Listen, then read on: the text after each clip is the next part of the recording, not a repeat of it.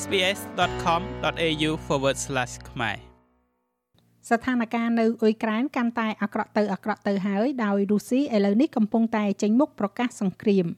វាកើតឡើងបន្ទាប់ពីសមាជិកសភាអ៊ុយក្រែនបានអនុម័តលើការប្រកាសដាក់រដ្ឋនេះក្នុងភាពអាសន្ននៅទូទាំងប្រទេសនៅថ្ងៃប្រហ័សនេះហើយអង្គការសហប្រជាជាតិក៏បានខិតខំប្រឹងប្រែងជាលើកចុងក្រោយដើម្បីស្វែងរកដំណោះស្រាយដោយសន្តិវិធីតាមរយៈការទូតផងដែរ។ កាលពីមុនថ្ងៃប្រហោះបន្តិចនៅមានក្តីសង្ឃឹមព្រាលព្រាលថាវិធីសាស្ត្រការទូតដែលបញ្ជាចំនួននៅអ៊ុយក្រែនប្រហែលជាអាចមានផ្លូវសម្រេចទៅបានអង្គការសហប្រជាជាតិបានបើកកិច្ចប្រជុំបន្ទាន់មួយរបស់ក្រុមប្រឹក្សាសន្តិសុខដោយអំពាវនាវឲ្យភាគីចំនួនអនុវត្តនឹងការអត់ធ្មត់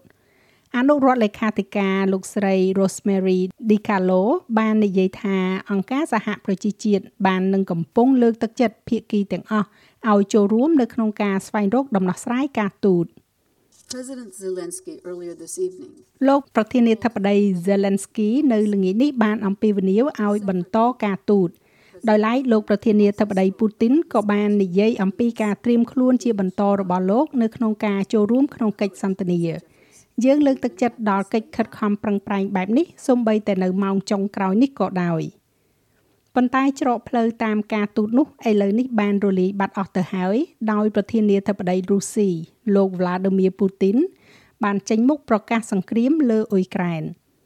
ឥឡូវនេះមានការអះអាងបញ្ជាក់ថាលោកពូទីនបានអនុញ្ញាតឲ្យមានប្រតិបត្តិការយោធាមួយនៅភូមិខាងកើតអ៊ុយក្រែននៅក្នុងការអត្ថាធិប្បាយដែលរាយការណ៍ដោយប្រព័ន្ធផ្សព្វផ្សាយរុស្ស៊ីលោកពូទីនបាននិយាយថាលោកបានអនុញ្ញាតឲ្យមានប្រតិបត្តិការយោធាពិសេសនៅក្នុងតំបន់ផ្ដាច់ខ្លួន នៅភូមិខាងកើតអ៊ុយក្រែនហើយការប៉ះទង្គិចគ្នារវាងកងកម្លាំងរុស្ស៊ីនិងអ៊ុយក្រែននឹងកើតមានឡើងគ្រាន់តែមិនទាន់ដឹងថានៅពេលណាតែប៉ុណ្ណោះ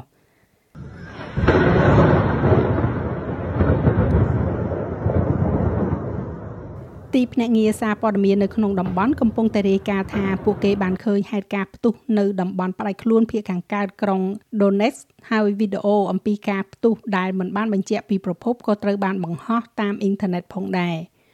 លោក Michael Squirt មកពីកាសែត The New York Times បាននិយាយថាលោកបានលោតខ្ទាតពីលើក្រេដោយការផ្ទុះធំពីរដែលហាក់ដូចជាមកពីតំបន់ Kramatorsk នៅក្បែរនោះសឹងថាភ្លាមភ្លាមនៅពេលដែលលោកប្រធានាធិបតីពូទីនបានធ្វើសេចក្តីថ្លែងការណ៍របស់លោករបាយការណ៍ផ្សេងទៀតបង្ហាញថារុស្ស៊ីបានកំណត់គោលដៅលើអាកាសយានដ្ឋានសំខាន់សំខាន់នៅក្នុងប្រទេសអ៊ុយក្រែនភាគខាងកើតទីក្រុង Kyiv Odessa ជាមួយនឹងកាំជ្រួចយុទ្ធសាស្ត្រ លោកប្រធានាធិបតីអាមេរិក Joe Biden បានចេញនូវសេចក្តីថ្លែងការណ៍ថ្កោលទោសចំពោះសកម្មភាពយោធានេះ The prayers of the entire world are with the people of Ukraine. ការអធិដ្ឋានរបស់ពិភពលោកទាំងមូលគឺនៅជាមួយនឹងប្រជាជនអ៊ុយក្រែននៅយប់នេះខណៈដែលពួកគេទទួលរងនឹងការវាយប្រហារដោយឥតញញើតនិងអយុត្តិធម៌ពីសំណាក់កងកម្លាំងយោធារុស្ស៊ីលោកប្រធានាធិបតីពូទីនបានជ្រើសរើសយកការធ្វើសង្គ្រាមដែលបានគិតទុកជាមុន ដែលនឹងនាំមកនូវការខាតបង់យ៉ាងធ្ងន់ធ្ងរដល់អាយុជីវិតនិងការឈឺចាប់ដល់មនុស្សជាតិរុស្ស៊ីម្នាក់ឯងត្រូវទទួលខុសត្រូវចំពោះការស្លាប់និងការបំផ្លិចបំផ្លាញដោយសារតែការវាយប្រហារនេះហើយសហរដ្ឋអាមេរិកនិងសម្ព័ន្ធមិត្តនិងដៃគូរបស់ខ្លួននឹងឆ្លើយតបដោយឯកភាពនិងដោយមិនរុញរាពិភពលោកនឹងឲ្យប្រទេសរុស្ស៊ីទទួលខុសត្រូវចំពោះរឿងនេះ។